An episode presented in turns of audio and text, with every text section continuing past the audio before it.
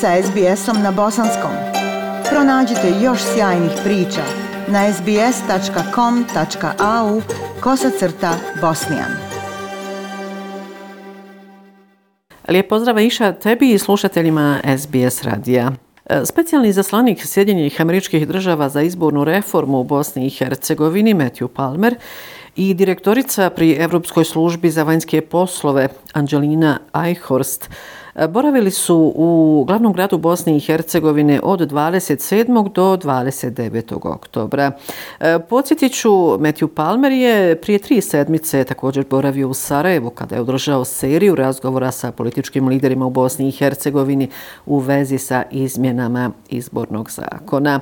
E, tako je bilo i tokom ove posjete, dakle Palmer i gospođa Eichhorst su također ponovo e, razgovarali prvo sa članovima predsjedništva Bosne i Hercegovine, zatim također sa stranačkim liderima, e, liderima najjačih stranaka u Bosni i Hercegovini, zatim liderima opozicije u Federaciji Bosne i Hercegovine, ali i liderima opozicije u Republici Srpskoj. E, to su zaista bila dva intenzivna e, dana, tako reći, i razgovora, pregovora, ali rješenja oko izbornog zakona još nema na vidiku. E, nakon te serije razgovora, e, gosti su održali preskonferenciju u Sarajevu 29. oktobra.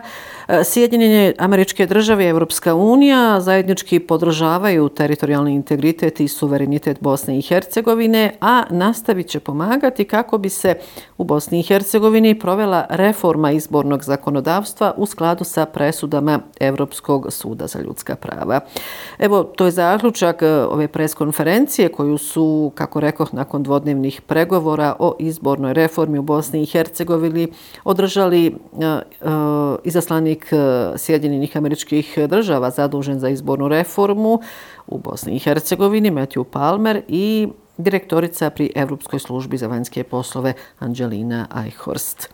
E, medijima, odnosno e, novinarima, se prvo obratila Angelina Eichhorst i ona je rekla da je suština svih razgovora, pregovora, jačanje institucija u Bosni i Hercegovini za dobrobit građana. Evo, poslušajte šta je još, e, šta je još izjavila Angelina Eichhorst. We, uh, since the discussions are still ongoing, pošto su razgovori i diskusije još uvijek uh, u toku, mislim da ne bi bilo dobro predstavljati ideje o kojima se razgovara, ali će se to vrlo brzo desiti kada uh, lideri budu spremni na to da predstavimo um, koji su to uh, okviri, koji su to opcije. Želim ipak ostaviti nekog prostora koji će omogućiti njihovu međusobnu razmjenu i međusobni razgovor, jer je vrlo važno i da razgovaraju i da zajednički za zapravo iznalaže rješenja. E, nekako na istom fonu bio je i Matthew Palmer. E, on je kazao da Bosna i Hercegovina može računati na Sjedinjene američke države, ali da niko ne može ponuditi konkretno rješenje. Poslušajte i Matthew Palmera. There are people who are part of this process who have Dakle, postoje ljudi koji su dio ovog procesa, koji imaju različite interese, različite stavove, različite razumijevanje o tome koji je najbolji put naprijed. Mi smatramo da je moguće ići dalje i rješavati presude Evropskog suda na način koji je u skladu sa ustavnim, ustavnom mantrom Bosne i Hercegovine. Dakle, jedna zemlja, dva entiteta, tri konstitutivna naroda plus ostali. Ali taj proces nije jednostavan u pronalaženju organskog balansa i ravnoteže koji može osigurati dostatnu podršku, odnosno osigurati podršku koja može biti usvojena i provedena u dijela. To je izazov. Očito da će se razgovori o reformi izbornog zakona nastaviti i narednim danima, A ono što je bitno jeste da se visoki predstavnik Međunarodne zajednice u Bosni i Hercegovini, Kristijan Schmidt, obratio poslanicima predstavničkog doma Parlamentarne skupštine Bosne i Hercegovine 28. oktobra u Sarajevu. E, ovoj sjednici nisu prisustovali poslanici iz Republike Srpske. E, Kristijan Schmidt e, je govorio od prilike 50 minuta i između ostalog je poručio da niko ko želi govoriti o reintegraciji države neće biti u mogućnosti da to realizuje Međunarodna zajednica neće stajati po strani, e, poručio je u svom obraćanju visoki predstavnik Međunarodne zajednice u Bosni i Hercegovini, Kristijan Schmidt. U obraćanju istakao kako ugrožavanje suvereniteta i teritorijalnog integriteta Bosne i Hercegovine mora prestati i dodao da se Bosna i Hercegovina sastoji od entiteta i takva će ostati. E, Kristijan Schmidt je Aisha odgovarao i na pitanja šefova klubova stranaka i na jedno, zapravo jedno pitanje je bilo e, kada će Kristijan Schmidt početi sa primjenom bonskih ovlasti.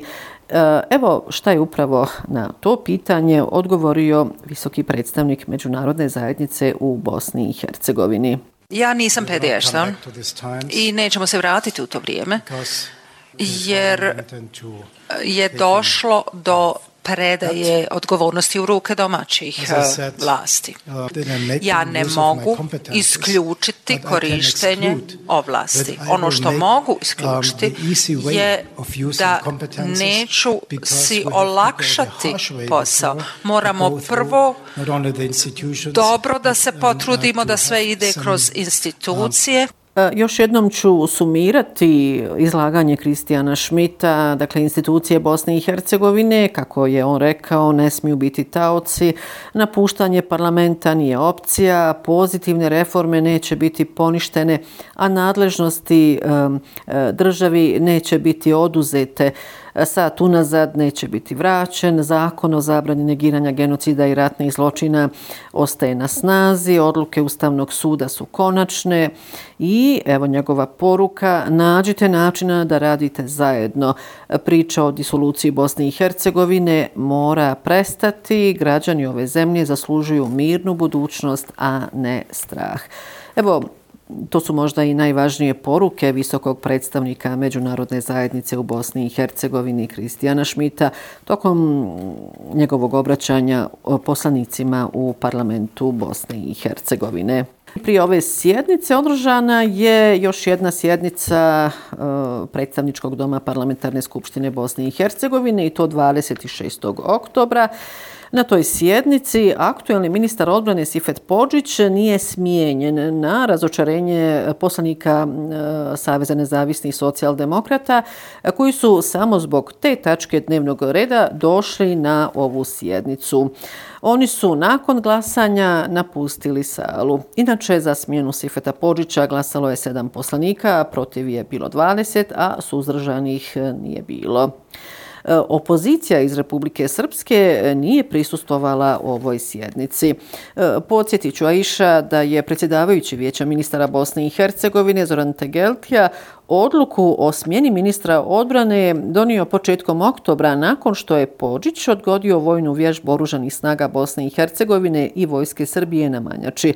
E, Pođić je izjavio kako se otišlo predaleko sa pokušajem njegove smjene. 27. oktobra Gradsko vijeće Sarajeva je prihvatilo prijedlog odluke o podizanju spomin obilježja Kazani koju uputila gradonačelnica Sarajeva Benjamina Karić. Njenim prijedlogom se u tekstu na spomeniku ne navode počinioci ovog zločina. E, na spomeniku na kazanima pisaće sljedeće, dakle, evo poslušajte upravo rečenicu koju je na ovoj sjednici rekla gradonačelnica Benjamina Karić. Za uvijek ćemo se s tugom i poštovanjem sjećati naših ubijenih sugrađana. Za zločine na kazanima, na kazne od 10 mjeseci do 6 godina zatvora, do sada je osuđeno 14 vojnika armije Republike Bosne i Hercegovine. Inače, ubijeno je 17 e, sugrađana. E, gradonačelnica Sarajeva istakla je kako je zahvalna što je nacrt teksta jednoglasno usvojen. E, Benjamina Karić je rekla da će spomenik ubijenim sugrađanima biti podignut do kraja ove godine. I evo za kraj još jedna informacija. Davor Dragičević, otac tragično nastradalog eh, Davida Dragičevića, eh, stigao je u Sarajevo 27. oktobra. On je proteklih nekoliko godina podsjetiću zbog straha od odmazde policijskih struktura boravio u Austriji, ali mu je odbijen zahtjev za azil. Eh, kako je istakao kada je dakle sletio na Sarajevski aerodrom, eh, došao je jači nego ikad, eh, došao je po pravdu. Nakon Sarajeva 30. oktobra otišao je i u Banju Luku. Eto, toliko ovoga puta iz glavnog grada Bosne i Hercegovine. Još jednom vam lijepe pozdravi iz Sarajeva, šalje Semra Duranović-Koso. SBS na bosanskom. Podijelite naše priče preko Facebooka. Želite poslušati još ovakvih priča? Slušajte preko Apple podcasta, Google podcasta, Spotify ili kako god da primate svoje podcastove.